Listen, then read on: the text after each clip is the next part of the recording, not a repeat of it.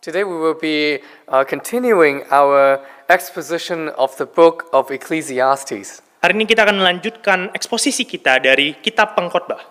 We will be looking at Ecclesiastes chapter 8 today. Kita akan melihat dari pengkhotbah pasal 8 hari ini.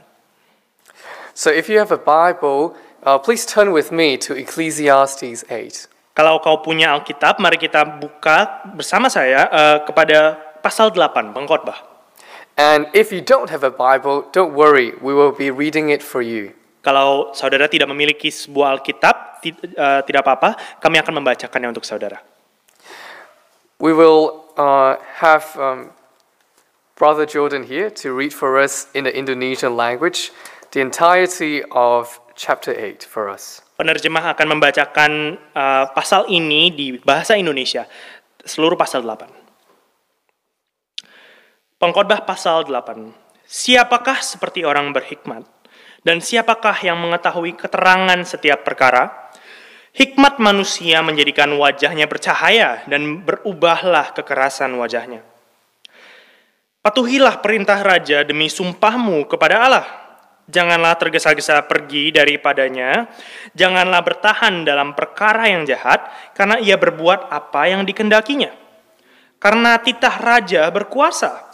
Siapakah yang akan mengatakan kepadanya, apakah yang baginda buat? Siapa yang mematuhi perintah tidak akan mengalami perkara yang mencelakakan. Tetapi eh, dan hati orang berhikmat mengetahui waktu pengadilan. Karena untuk segala sesuatu ada waktu pengadilan. Dan kejahatan manusia menekan dirinya. Sesungguhnya ia tak mengetahui apa yang akan terjadi. Karena siapakah yang akan mengatakan kepadanya bagaimana itu akan terjadi?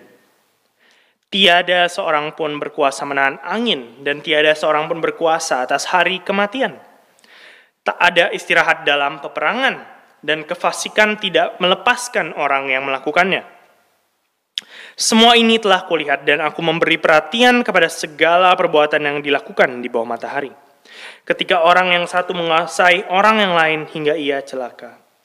Aku melihat juga orang-orang fasik yang akan dikuburkan boleh masuk Sedangkan orang yang berlaku benar harus pergi dari tempat yang kudus dan dilupakan dalam kota. Ini pun sia-sia.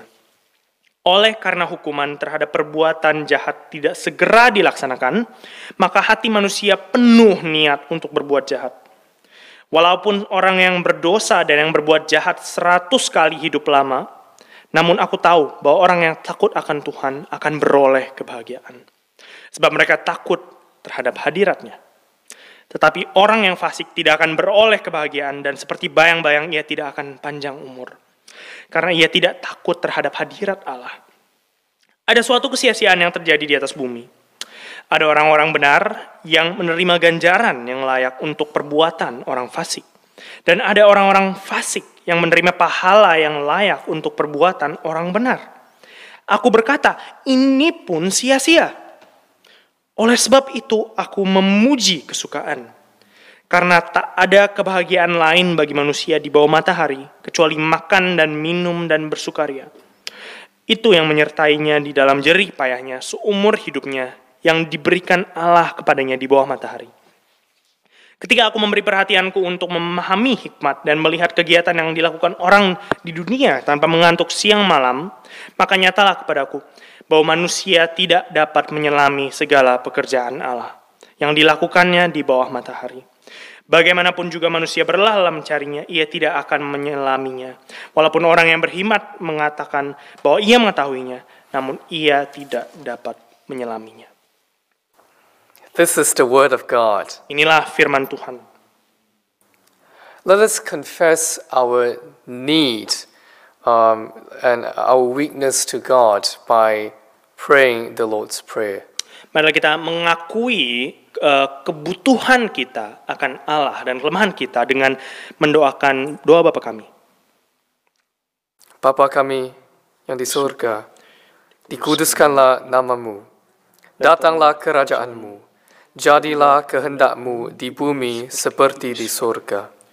Berikanlah kami pada hari ini makanan kami yang secukupnya, dan ampunilah kami akan kesalahan kami, seperti kami juga mengampuni orang yang bersalah kepada kami.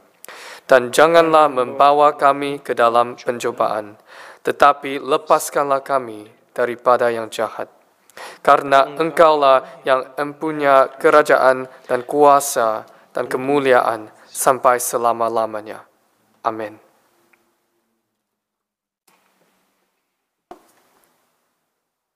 The first part of the chapter, uh, the preacher teaches us the wisdom on how to behave when you meet with and talk to the king. Di bagian pertama pasal ini, pengkhotbah mengajarkan hikmat dalam berbicara dan bertemu dengan raja. It might not seem applicable now, but in the past, this is an important teaching. Mungkin rasanya aneh bagi kita sekarang ini, tetapi di masa lalu ini adalah ajaran yang sangat penting. In the Old Testament times, seeing the king is a dangerous business. Di zaman perjanjian lama, bertemu dengan raja itu sangat berbahaya. If you look at a history, in all cases of monarchy, which means a structure uh, which has a king, uh, the king has the power and authority to decide the life and death of his people. Kalau saudara memperhatikan sejarah monarki, sejarah kerajaan, uh, saudara dapat melihat bahwa raja itu memilih akan uh, nasib dari umatnya. For example, if you look at the book of Esther, Contohnya saudara kalau memperhatikan kitab Esther, when uh, Mordecai asked Esther to see King Ahasuerus, she was in fear. Saat Mordekai meminta Esther untuk bertemu dengan Raja Ahasuerus, dia sangat ketakutan. Because there is a significant threat to Esther's life if she visits the king without the king asking her to visit him. Karena kehidupan Esther itu sangat terancam kalau dia datang kepada raja tanpa raja itu mengundangnya. There's a possibility that the king, if he's angry at what Esther is doing, he can kill her. Karena kalau raja itu marah dengan apa yang Esther lakukan, raja itu dapat membunuh Esther pada waktu itu. There's a Chinese saying that goes like this, uh, 伴君如伴虎, which means to, to be with a king is like to be with a tiger. Ada sebuah pepatah Tionghoa yang mengatakan bahwa menemani raja itu seperti menemani macan. That's why wisdom is required for the survival in a royal court. Karena itulah hikmat itu diperlukan saat kita berkumpul di dalam sebuah kerajaan. In this case, wisdom will literally save your life. Di dalam kasus ini, hikmat akan memang benar-benar menyelamatkanmu. That's why in the opening uh, of the chapter 8, the preacher says, Who is like the wise? Karena itulah di dalam permulaan pasal ini, pengkhotbah mengatakan siapakah seperti orang berhikmat. This is a very common theme in the book of Ecclesiastes. Wisdom is very valuable and desirable. Ini adalah tema yang berulang di kitab ini. Hikmat itu berharga, layak diinginkan. The preacher continues, And who knows the interpretation of a thing? Lalu pengkhotbah pun meng- meng- eh, melanjutkannya, siapa yang mengetahui keterangan setiap perkara? What does interpretation mean here? Keterangan atau interpretasi di sini maksudnya apa? Well, interpretation refers to making sense of the patterns of life. Keterangan di sini berarti adalah eh, mengerti cara pola-pola hidup. For example, as, as we study the seasons, we will learn when is the best time in the year to sow seeds. Contohnya selagi kita memperhatikan musim-musim, kita eh, melihat kapankah waktu terbaik untuk menuai. When we see that the river is slowly drying up, what should we do to prepare ourselves for a drought? Ketika sungai mengering, contohnya kita harus bersiap-siap untuk kekeringan. Bagaimana? People who can make sense of the patterns of life have wisdom. Orang-orang yang bisa mengerti pola-pola hidup itu memiliki hikmat. But interpretation doesn't only refer to that. Tetapi interpretasi atau keterangan bukan hanya berbicara tentang hal ini. It also refers to the interpretations of signs and dreams. Penger- Pengertian lainnya adalah mengerti makna interpretasi tanda dan mimpi. Back then, in, in the old uh, ancient Near Eastern cultures, there is no strict separation between natural wisdom, which is like a good time management skills or a good war strategy, and supernatural wisdom. For example, the ability to summon rain clouds, to communicate with the gods, to predict future events, or to make sense of a dream. Di timur dekat kuno zaman dulu tidak ada pemisahan kaku antara hikmat alamiah, contohnya kema- kemampuan membagi waktu atau strategi perang dan hikmat supernatural seperti kemampuan mendatangkan awan hujan, berbicara dengan para dewa, memprediksi masa depan dan menerangkan mimpi yang mengganggu raja. The thing is, if these two wisdom can both help us make better decisions in the future, then they are both considered wisdom. Kalau kedua hal yang kita bicarakan tadi itu bisa membantu kita mengambil keputusan yang baik, dua hal ini dapat disebut sebagai hikmat. And when we read the first uh, verse of the chapter, I think you can see how uh, the preacher is hinting to us two Bible characters, namely Joseph and Daniel. Uh, kita bisa mengerti di sini saudara bahwa uh, di permulaan ini juga sang mengkhotbah mengisyaratkan dua figur perjanjian lama, Yusuf dan Daniel. You can see how they are summoned to the king's court. Saudara bisa memperhatikan kisah mereka di mana mereka diundang kepada uh, tempat persidangan sang raja. You can, we can also see how God has given them knowledge to interpret dreams. Saudara melihat Allah memberikan mereka hikmat mengerti akan mimpi. And Joe, when he was with Pharaoh and he was able to interpret the dreams, Joe, uh, Joseph, not Job, Joseph was considered a wise man. Saat Yusuf bisa menginterpretasi mimpi Firaun, ia disebut sebagai orang berhikmat. And when Nebuchadnezzar was troubled by a dream and no one could interpret it, Daniel was brought to him. Saat Nebukadnezar juga terganggu oleh mimpi yang tidak bisa dimengerti oleh orang-orang lain, Daniel pun diundang untuk eh, memberikan interpretasinya. But no matter what wisdom, natural or supernatural, the preacher considers them both as good wisdom. Tapi tidak peduli hikmah natural atau supernatural, pengkhotbah melihat kedua hal ini sebagai baik. The preacher says, Wisdom will make a person's face shine, and the man who has wisdom on his side will be at peace. His facial expression will soften. Dia mengatakan bahwa hikmat seperti ini akan mencerahkan wajah seseorang dan manusia memiliki hikmat mendapat damai, wajahnya pun akan melembut. What does a shining face mean? Apa maksudnya wajahnya bercahaya?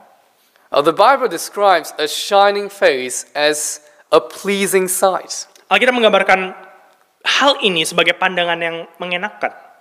Israel often prays to God for God's face to shine upon them. Bukankah Israel sering memohon kepada Allah agar menyinarkan wajahnya? It is a facial expression that communicates gentleness. Ini adalah sebuah ekspresi wajah yang mem- eh, menyiratkan kelemah lembutan. It is comforting to look at. Ini hal yang menenangkan untuk dipandang. Because wisdom can protect a person's life, it is able to change a person's demeanor. Karena hikmat dapat melindungi seseorang, hikmat pun mengubah perilaku orang itu. The person who has wisdom can be at peace when he is surrounded by his opponents. Orang yang memiliki hikmat dapat tenang di depan musuh, He's able to sing in times of danger, dapat bernyanyi di dalam bahaya, to be calm when standing in front of a king. dapat tenang di hadapan raja. This is wisdom. Inilah hikmat. But that is not all. Uh, the preacher continues to describe what we, wisdom looks like in the king's courts. Tapi bukan hanya itu, eh, pengkhotbah pun terus menjelaskan bagaimana hikmat itu dapat dinyatakan di saat kita berhadapan dengan raja. Surprisingly, immediately after this, the preacher says the first thing about wisdom in the king's court is this keep the king's command. Yang mengejutkan adalah selanjutnya itu eh, pengkhotbah hal pertama yang ia katakan adalah tentang hikmat, patuh adalah patuhilah perintah raja. We are called to obey authority. Kita dipanggil untuk taat kepada otoritas.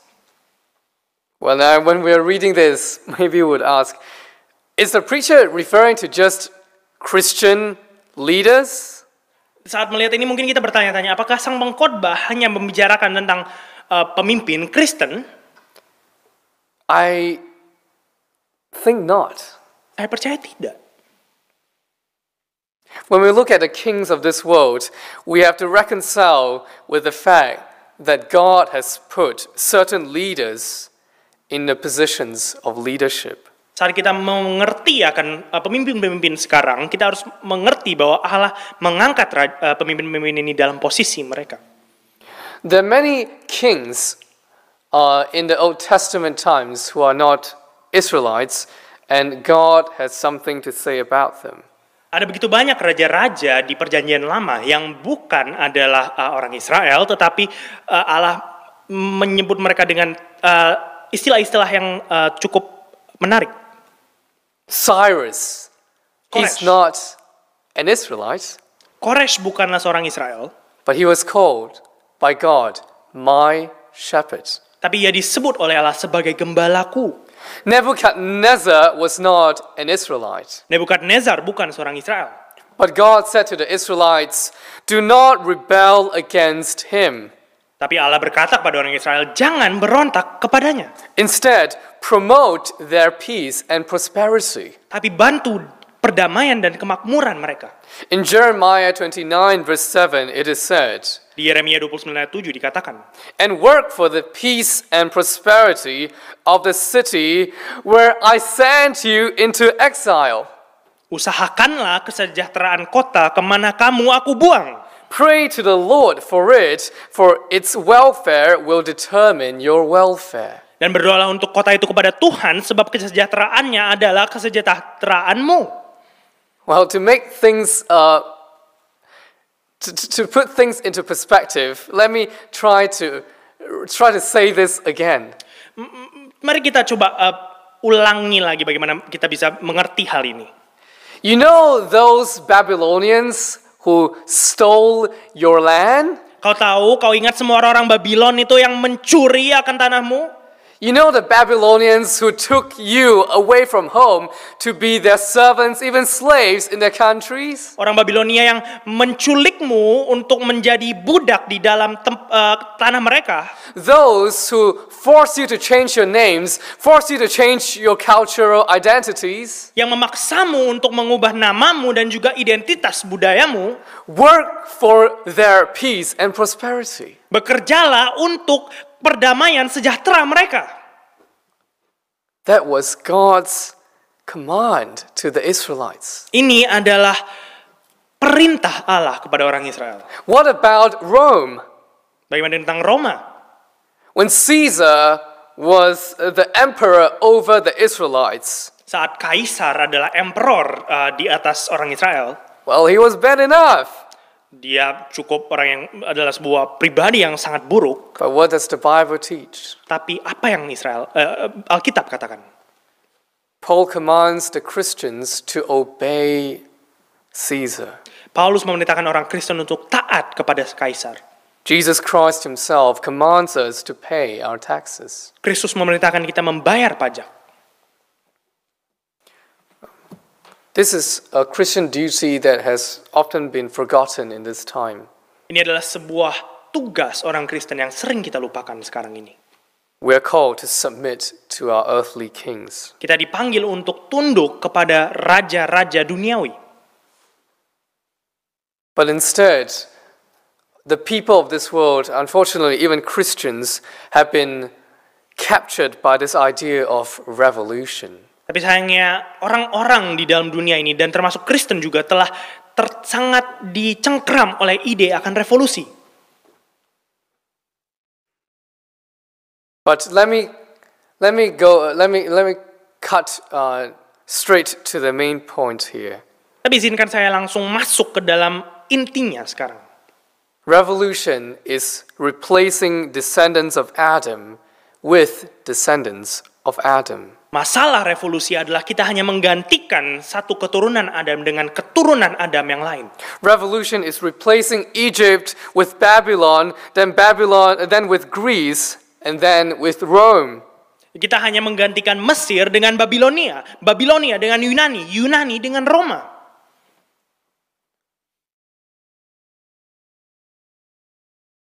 We are called to obey our kings. Kita dipanggil untuk taat kepada penguasa-penguasa. But what is the extent of our obedience to our earthly leaders? Tapi seberapa jauh kita harus taat kepada raja eh, pemimpin duniawi? This is an important message, brothers and sisters. Ini adalah sebuah pesan yang sangat penting. Peter says in the book of Acts, But Peter and the apostles answered, We must obey God rather than men. Petrus berkata di kisah para rasul, tetapi Petrus dan rasul-rasul itu menjawab katanya, kita harus lebih taat kepada Allah daripada kepada manusia.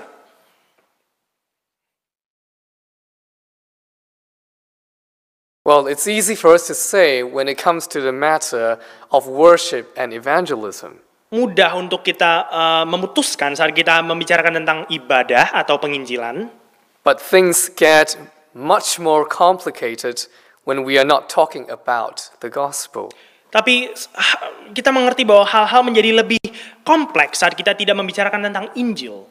So, what should we do when we disagree with the king? Jadi bagaimana apa yang harus kita lakukan kalau kita tidak setuju dengan raja? Well, the preacher provides us here with some practical wisdom advice. Pengkhotbah di sini memberikan kita nasihat hikmat yang praktis. Let us look at verse 3. Ayat ketiga.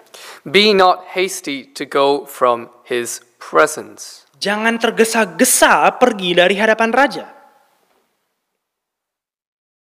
When in the past, when people see the kings, they must bow down to the king. Di zaman dahulu ketika orang-orang bertemu dengan raja, mereka harus tunduk di hadapannya. They cannot look at the king. Mereka tidak bisa memandangi raja. They can only stand up if the king says, stand up. Mereka hanya bisa berdiri saat raja itu berkata, berdiri. They can only look at the king when the king says, look at me. Mereka hanya bisa memandangi raja saat raja itu berkata, pandangilah aku. And they can only leave the king's presence if the king gives him or her the permission. Mereka hanya bisa meninggalkan eh, raja saat raja itu berkata, kau boleh pergi. So, if someone is to stand up and leave the king, turning his back on the king and leave quickly, that is considered very disrespectful. Jadi ketika seseorang itu berdiri dan dengan tergesa-gesa pergi dari raja itu, itu adalah sesuatu hal yang sangat tidak sopan. When we disagree with the king, um, biblical wisdom teaches us to resist peacefully and righteously. Hikmat Alkitab mengajarkan kita untuk melawan penguasa dengan sopan, dengan hormat. The best example I can give you is uh, the three friends who were thrown into the fire. Satu eh, contoh yang terbaik yang saya bisa berikan pada saudara adalah tiga sekawan yang dibuang ke perapian. This is written in the book of Daniel. Yang dapat kita temukan di kitab Daniel. King Nebuchadnezzar, he made an image of gold and he commanded his people to fall down and worship this golden image. Nebukadnezar membuat sebuah patung emas dan memerintahkan umat untuk menyembah patung itu. Well, Shadrach, Meshach, and Abednego did not obey. Sadrak, Mesak, dan Abednego memilih untuk tidak taat. And King Nebuchadnezzar was furious. Nebukadnezar begitu marah. And he asked the three friends, If you do not worship, you shall immediately be thrown into a burning fiery furnace. And who is the God who will deliver you out of my hands? Kalau kau dan dia mempertanyakan mereka, kalau kau tidak menyembah eh, patung ini, kau akan dibuang ke perapian yang panas. Dewa manakah yang akan menyelamatkanmu? And the three friends answered, Oh, Nebuchadnezzar, we have no need to answer you in this matter. If this be so, our God, whom we serve, is able to deliver us from the burning fiery furnace, and he will deliver us out of your hand, O king. But if not, be it known to you, O king, that we will not serve your gods or worship the golden image that you have set up. Tiga sekawan itu pun menjawab, Oh Nebukadnezar, kita tidak perlu menjawabmu dalam hal ini. Kalau harus Tuhan yang kami layani mampu menyelamatkan kami dari perapian ini, dari tanganmu Raja. Tapi kalau tidak, ketahuilah Raja, kami tidak akan menyembah ilah-ilahmu maupun patung emasmu itu.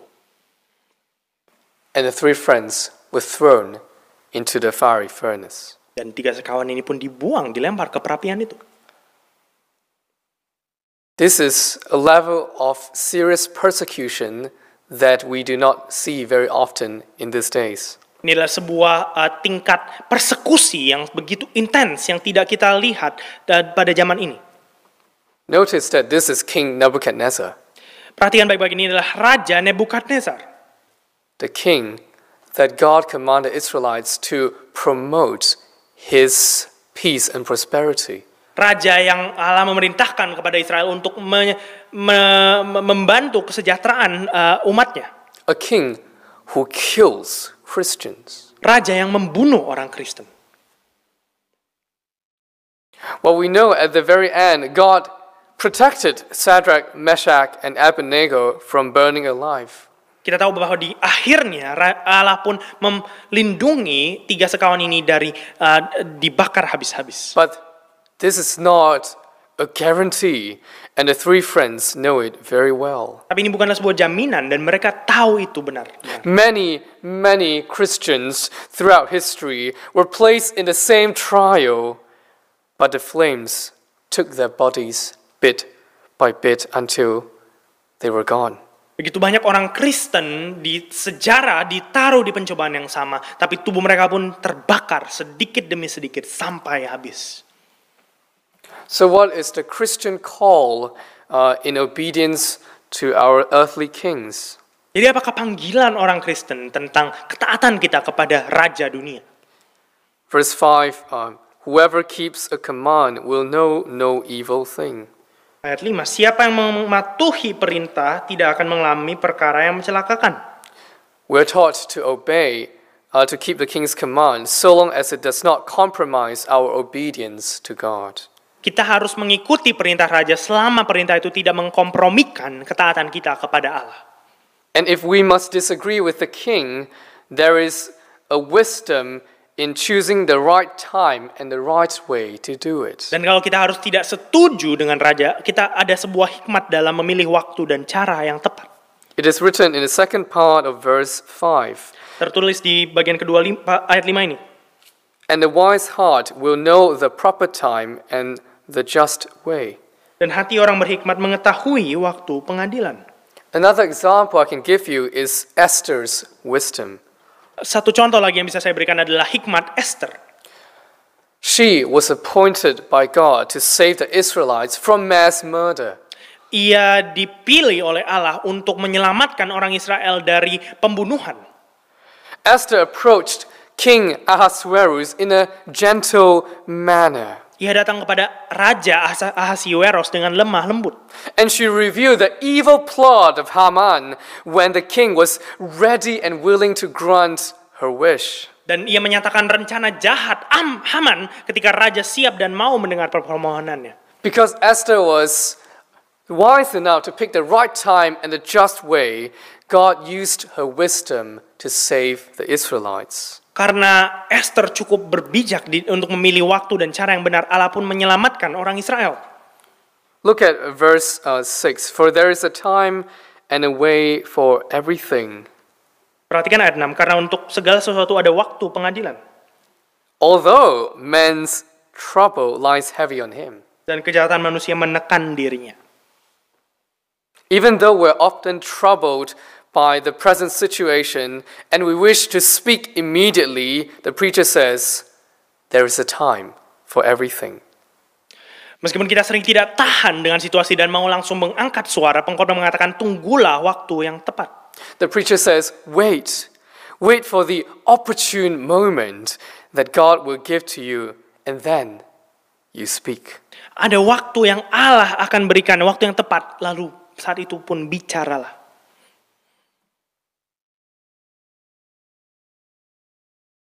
I don't know if I don't know how you should, how, how you would respond to this, but for me it's difficult. Saya tidak tahu saudara akan merespon dengan bagaimana, tetapi bagi saya ini hal yang sangat sulit. The question that comes to my mind is why do I need to honor a king who kills my brothers? Pertanyaan pertama yang muncul kepada pikiran saya adalah, kenapa saya harus menghormati raja yang membunuh saudaraku? The simple reason is this God has put him in a position of authority. Alasan yang sederhana adalah karena Allah telah memberinya otoritas ini. And God has a reason for it. Dan Allah memiliki alasan sendiri. You know, sometimes we look at the leaders of the world and we wonder, how on earth did he become the most important person in the country? Kadang-kadang kita bingung melihat pemimpin dunia, bukan kita melihat dan mengatakan kenapa orang ini bisa menjadi nomor satu di negara itu. And then we look around ourselves, especially when we look at our brothers and sisters in Christ. We can immediately point out at least 10 people who are much more competent and reasonable than the current world leaders. Lalu kita melihat sekitar kita, terutama saudara-saudari Kristen kita dan kita bisa menyebutkan setidaknya 10 orang yang lebih kompeten dari pemimpin-pemimpin dunia. But somehow God has placed him in position of authority. Tapi Allah tidak tahu kenapa telah menaruh pemimpin-pemimpin ini di posisi mereka. If we disobey our kings just because we don't like them, then there are only three logical outcomes. Kalau saudara tidak taat kepada pemimpinmu karena saudara hanya tidak suka kepada mereka, maka ada tiga hasil yang logis. Number one, either God was wrong in commanding us to obey our kings. Yang pertama, berarti Allah salah dalam meminta kita taat kepada raja. Or two, that God was wrong when he put him in position of authority. Atau dua, Allah salah menaikkan raja itu di dalam posisinya. Or three, that we actually have an unrealistic expectation for our earthly kings. Atau tiga, mungkin malah kita yang sebenarnya memiliki harapan yang tidak realistis akan pemimpin duniawi kita. Earthly kings are sinful kings. Raja-raja duniawi adalah raja-raja yang berdosa. Look at verse 9 here. All this I observed while applying my heart to all that is done under the sun, when man, king, had power over man, people, to his hurt, to, to, the, to, the, to, the, to the hurt of the people. Ayat 9, semua ini telah kulihat dan aku memberi perhatian kepada segala perbuatan yang dilakukan di bawah matahari ketika orang yang satu, raja, menguasai orang yang lain, em, rakyatnya, hingga ia celaka. People with power often abuse their power. Penguasa sering kali menyalahgunakan kuasanya. And we see this in all forms of government throughout history. Ini nyata di semua bentuk pemerintahan sepanjang sejarah. We also see this in our own time. Dan sekarang pun juga. So, realizing the set reality of earthly kingdoms, uh, the preacher says, This is wisdom and it will protect your life. Mengingat akan realitas yang menyedihkan ini, sang pengkhotbah mengatakan inilah hikmat yang akan melindungi hidupmu. Keep the king's command and speak patiently. Taatilah perintahnya dan uh, berbicaralah dengan uh, sabar.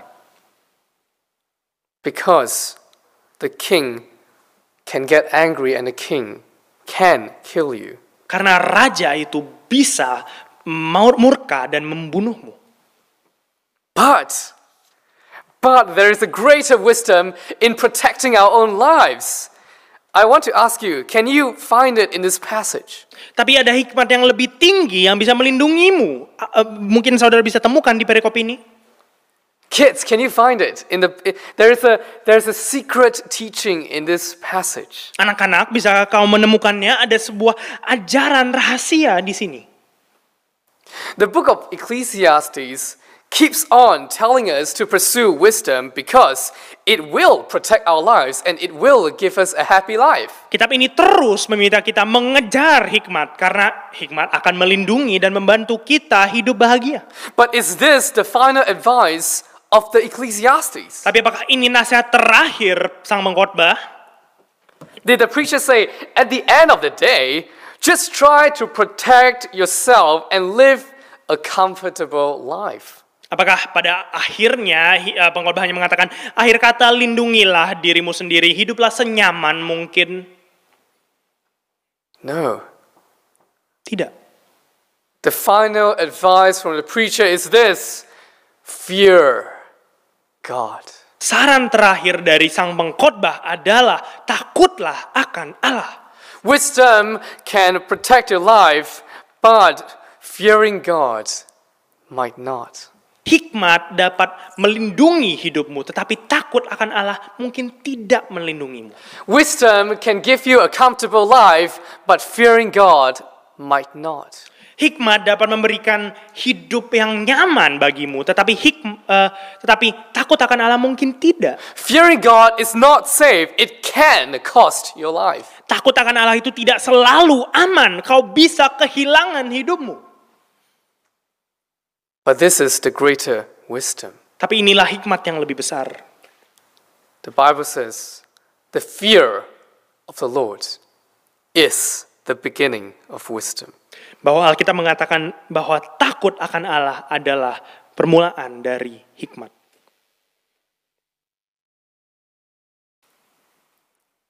Back to uh, our relationship with earthly kings. Christians should not repay evil with evil. Sekali lagi tentang uh, relasi kita dengan raja duniawi, kita tidak boleh membalas kejahatan dengan kejahatan.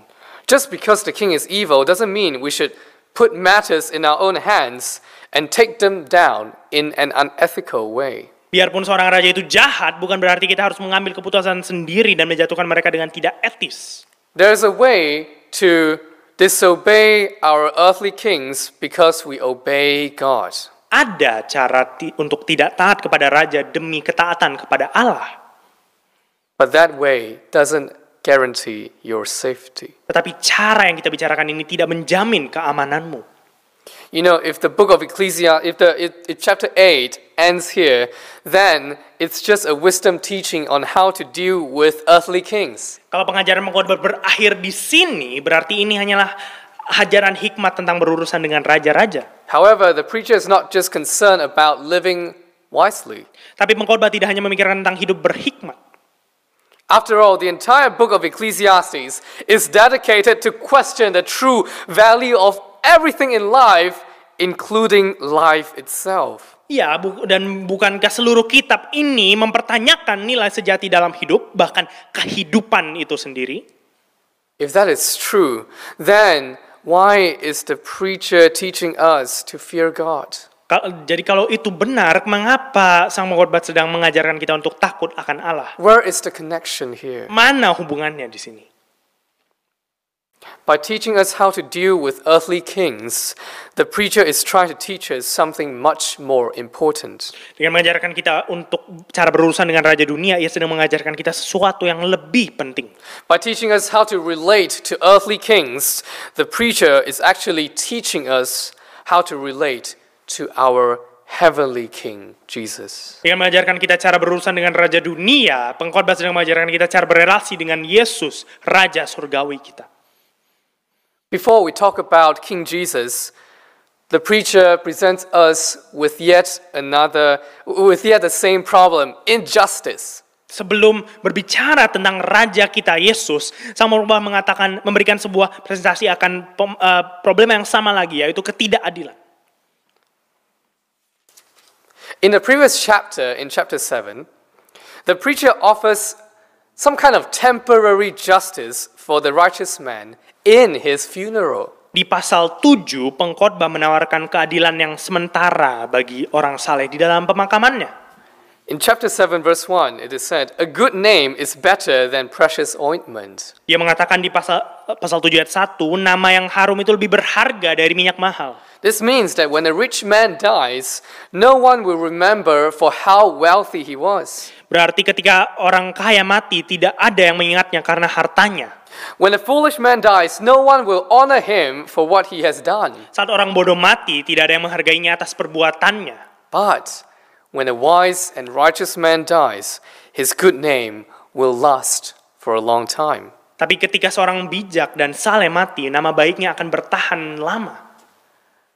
Maybe this will give you a, a sigh of relief. Ah, finally, there's at, at least there's some kind of relief uh, for, for the righteous man in his death. Mungkin ini akan membuat saudara lega sedikit. Ah, setidaknya berarti eh, seorang saleh akan mendapatkan sebuah em, ketenangan di dalam kematiannya.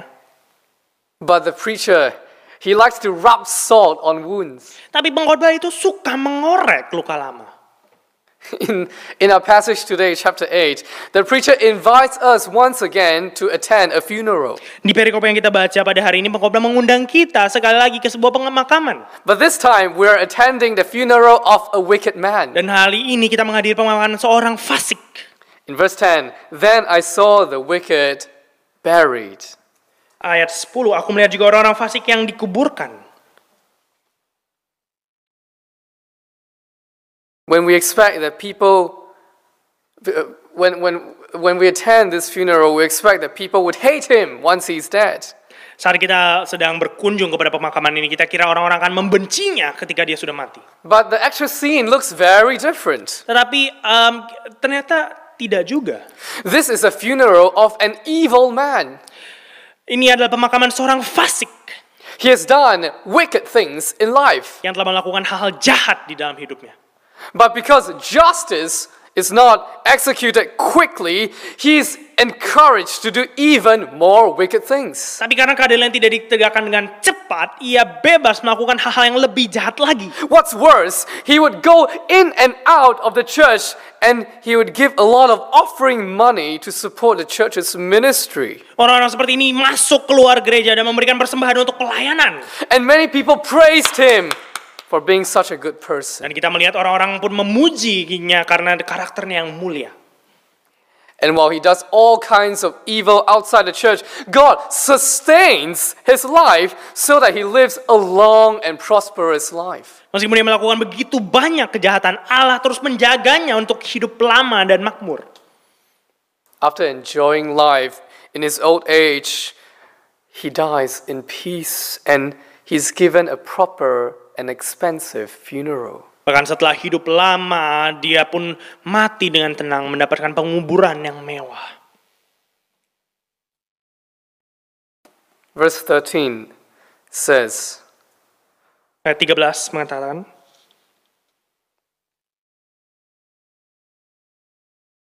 But it will not be well with the wicked, neither will he prolong his days like a shadow.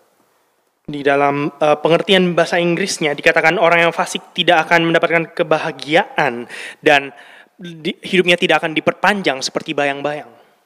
Have you ever seen a shadow extend very far away from you during sunset? Pernahkah kau melihat bayanganmu sendiri yang semakin panjang setelah matahari terbenam? It seems to extend longer and longer and it does not stop. Bayangan kita seperti terus dan terus memanjang seperti tidak berhenti.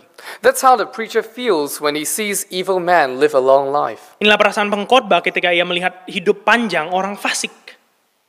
Why does the evil man live longer and happier than the righteous man? Mengapa mereka hidup lebih lama dan lebih bahagia dari orang saleh? This is not fair. Ini tidak adil. And as if this injustice is not painful enough, the preacher takes another step further. Seakan-akan ketidakadilan ini tidak cukup, pengkhotbah pun menusuk kita lebih dalam lagi. Verse 14 There is a vanity that takes place on earth, that there are righteous people to whom it happens according to the deeds of the wicked, and there are wicked people to whom it happens according to the deeds of the righteous. I said that this also is vanity. Ayat 14, ada suatu kesia-siaan yang terjadi di atas bumi. Ada orang-orang benar yang menerima ganjaran yang layak untuk perbuatan orang-orang fasik. Dan ada orang-orang fasik yang menerima pahala yang layak untuk perbuatan orang benar. Aku berkata, ini pun sia-sia. Good people have bad outcomes, Orang-orang baik mendapatkan hasil yang buruk. bad people have good outcomes. Orang jahat mendapatkan kebaikan.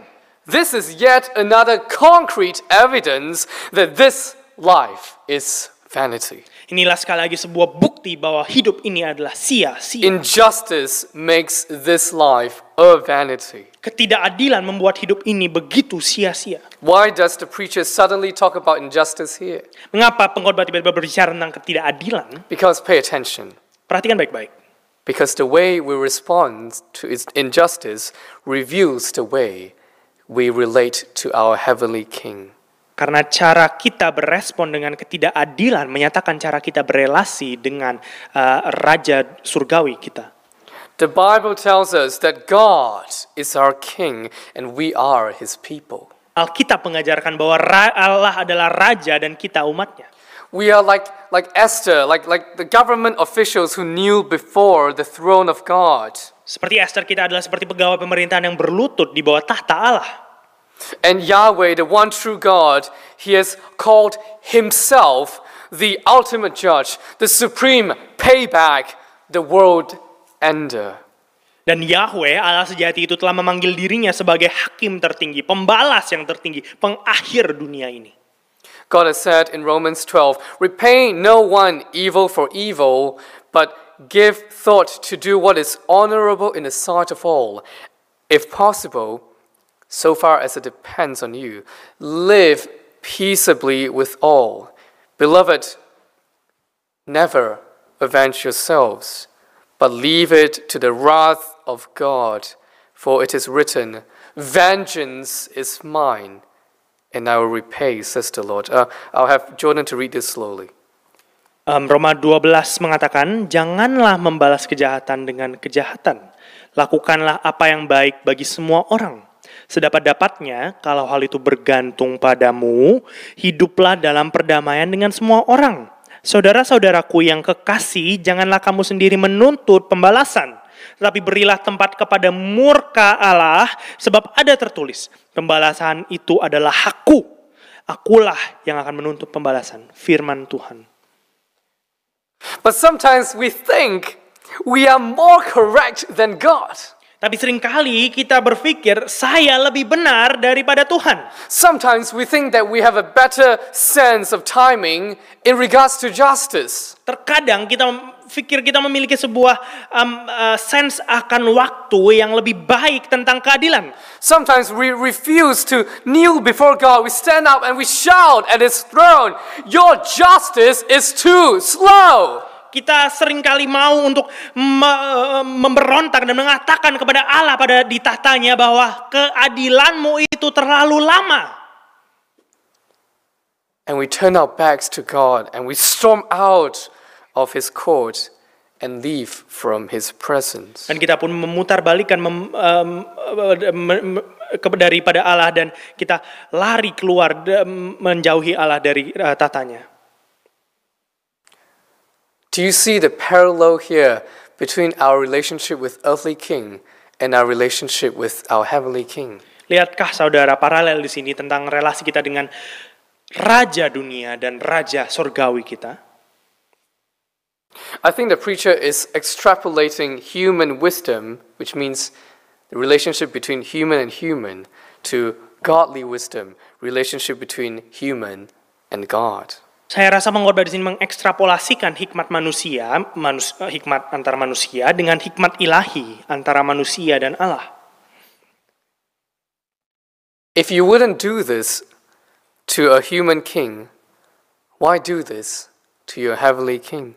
Kalau kau tidak berani melakukan hal ini kepada raja manusia, kenapa kau berani melakukan ini dengan raja surgawi? Why do you question God's justice? Kenapa pertanyakan keadilannya? Why do we take matters in, into our own hands and execute justice according to our standard? Kenapa mengambil keputusan sendiri dan menegakkan keadilan menurut standar kita? Why do we fear earthly kings more than the supreme king of the universe? Kenapa lebih takut akan raja dunia daripada raja alam semesta?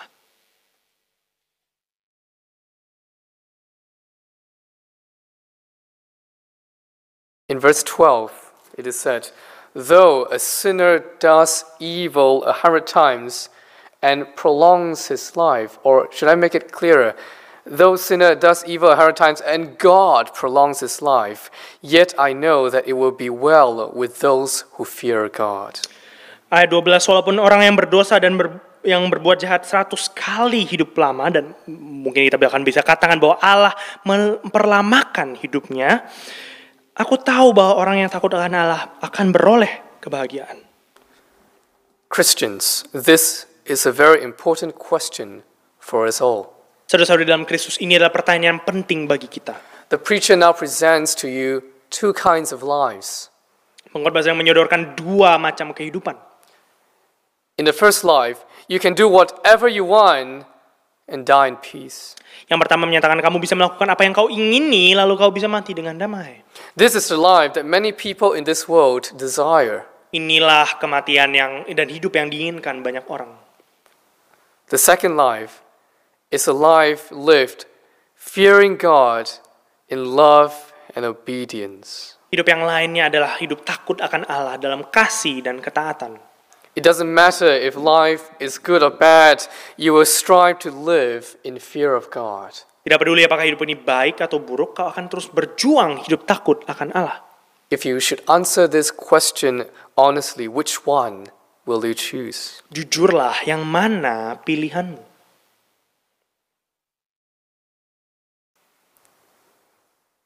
The preacher calls the second life wisdom. Sambut khotbah mengatakan bahwa hidup yang kedua tadi itu adalah hikmat. Brothers and sisters, do not be deceived by the devil. Saudara jangan tertipu oleh si jahat. Life may seem unfair sometimes, Hidup sering terlihat tak adil. and this can tempt us to just forsake our uh, uh, forsake fearing God and live however we want.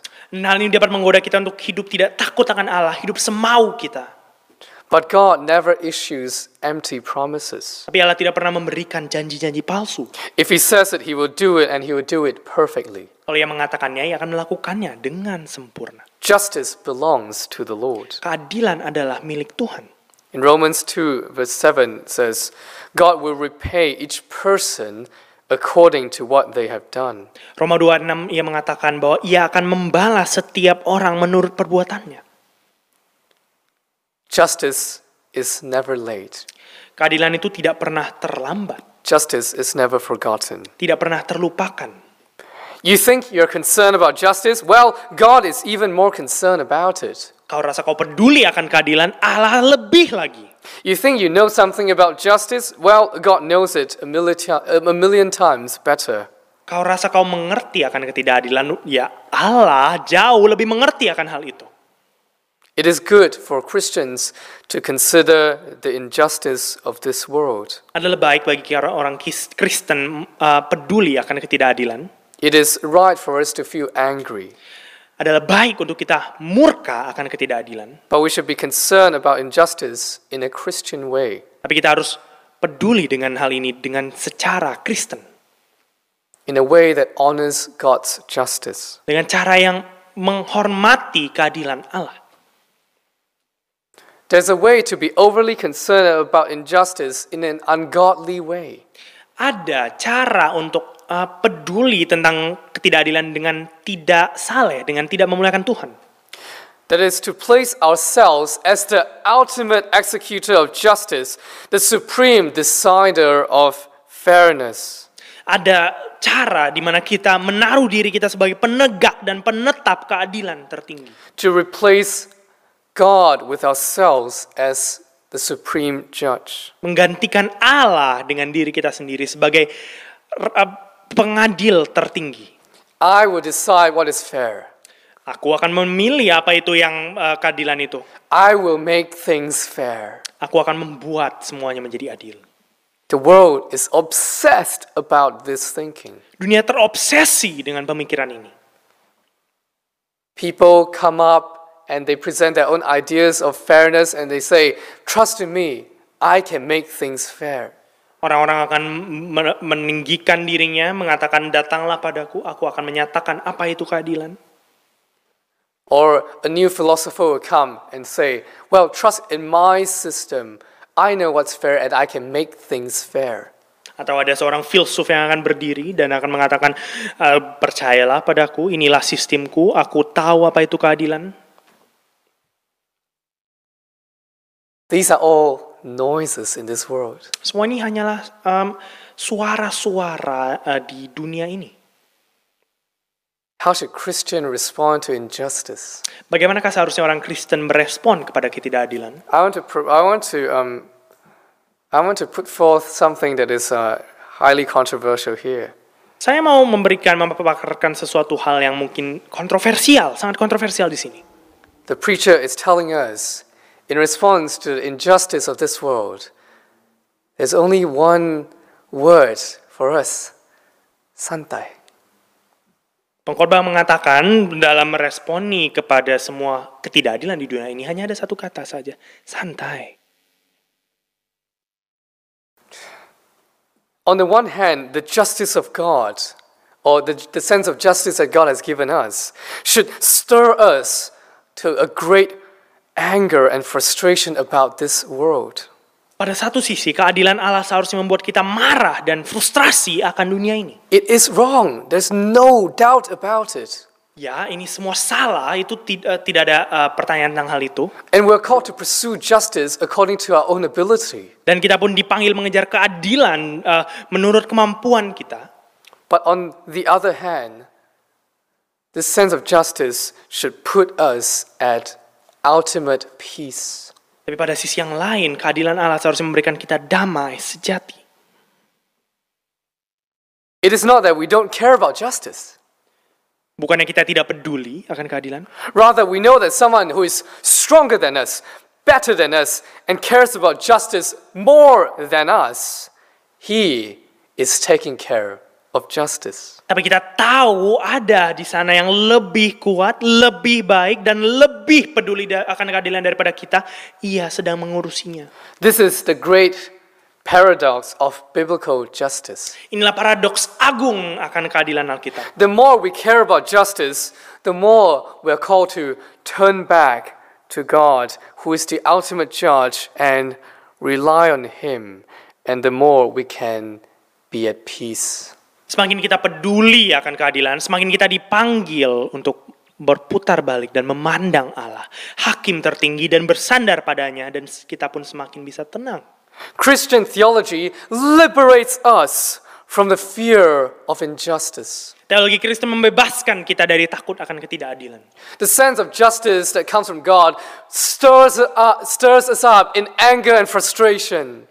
Eh, perasaan akan keadilan yang ada dari Allah itu membuat kita murka akan ketidakadilan. But then the justice of God cools us down and puts us at ease. Tetapi keadilan Allah menenangkan kita, membuat kita damai. This is a peace that comes through anger and frustration. Ini adalah damai yang muncul dari murka dan frustasi. This is what I call biblical Santaiism. Inilah yang saya sebutkan santaiisme yang Alkitabiah. But this Santaiism is not cheap. Tapi santaiisme ini tidak murah. You know, when we think about the wicked people, we often think about corrupt politicians, greedy billionaires, evil bankers on Wall Street, murderers, rapists. Saat kita memikirkan, membayangkan orang-orang fasik, kita memikirkan politisi-politisi, miliuner-miliuner yang tamak, bankir-bankir jahat di Wall Street, dan para pembunuh dan pemerkosa. But who are the true wicked men on this earth? Tapi sesungguhnya siapakah orang fasik yang sesungguhnya di dunia ini? God has declared all men, including you and I, as wicked. Allah telah menyatakan semua, termasuk kau dan saya, sebagai fasik. Humans, when you're demanding true justice, do you realize that you're asking for your own death? Hai manusia, saat engkau meminta keadilan, sadarkah kau memohon akan kematianmu sendiri?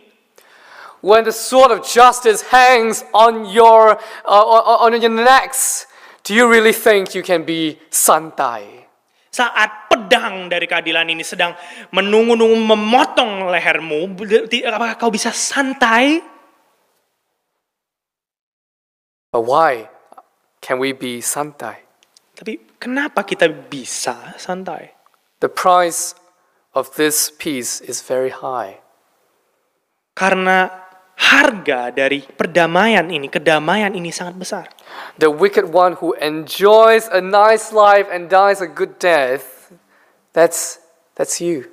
Engkaulah orang jahat yang menikmati hidup nyaman dan pemakaman tenang itu. And the righteous one who bears the consequence of a bad life, that's, that's Jesus. Dan Yesuslah orang saleh yang menanggung upah dosa.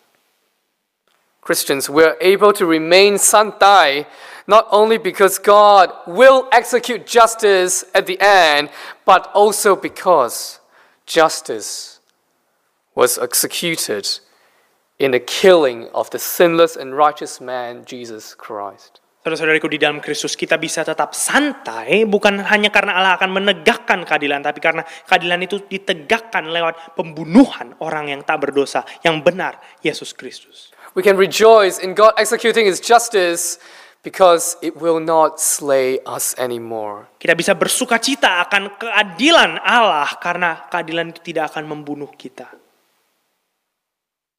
So when we see injustice in this world, how should we think about it? Jadi kita ketika kita melihat ketidakadilan di dalam dunia ini, bagaimana kita harus memikirkan akan hal itu? Well, let, let's begin here. God's way is higher than our ways, and God's way is mystery.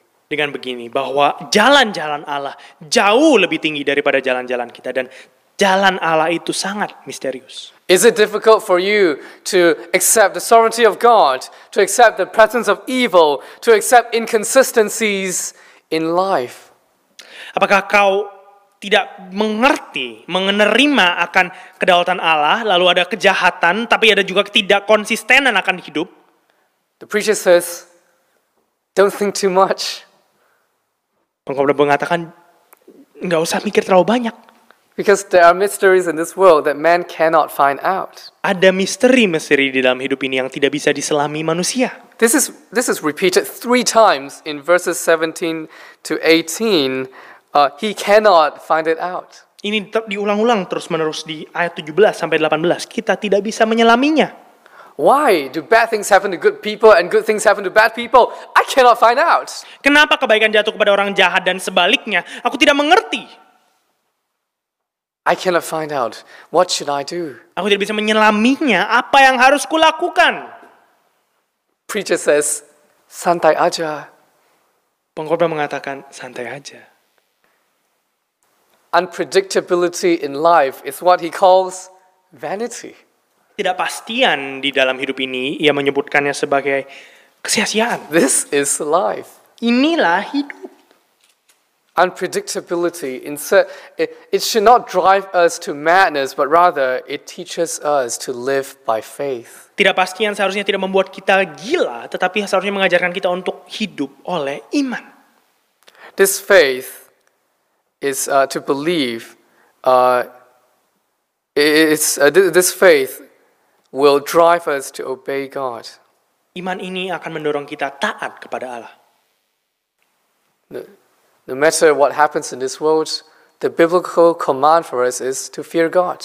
Tidak peduli apa yang terjadi di dunia ini, perintah Alkitabiah adalah taat, uh, takutlah akan Allah. This faith, if we place this faith in God, we know that God will execute justice.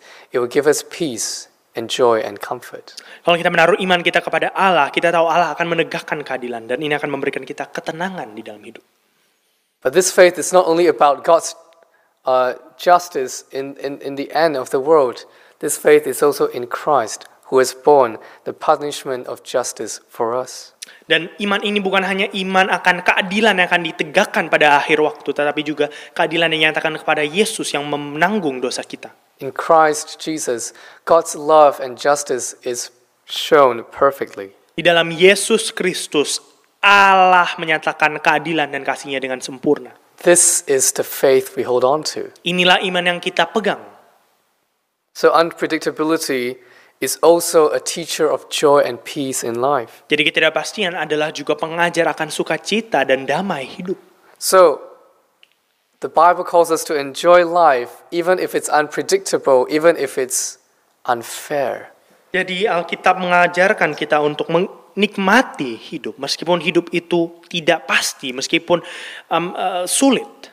Brothers and sisters, all will be well when we put our trust in God. Saudara, semuanya akan baik-baik saja kalau kita menaruh percaya padanya.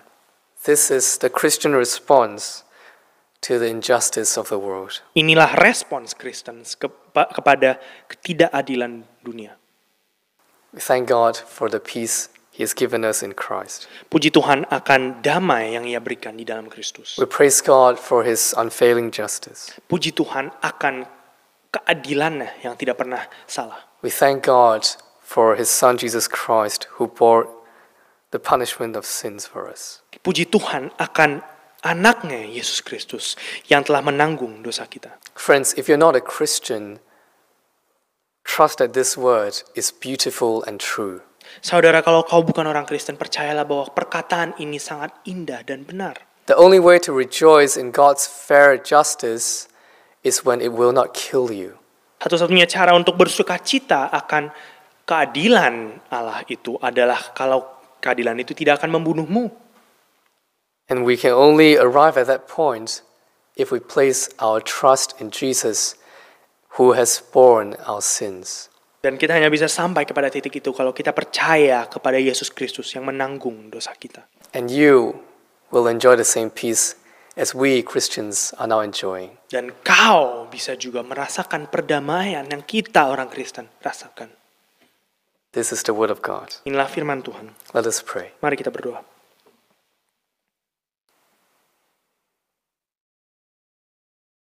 Father, please um, increase our, our security and peace even when the world is plunged in chaos. Bapa, tambahkanlah uh, ketenangan, damai dalam diri kita meskipun dunia ini penuh dengan uh, gelap gulita. And teach us to kneel down uh, in submission before your throne. Dan ajarlah kami untuk berlutut di hadapan tahtamu. In the name of your Son, Jesus Christ, we pray. Di dalam nama anakmu Yesus Kristus kami berdoa. Amen. Amin.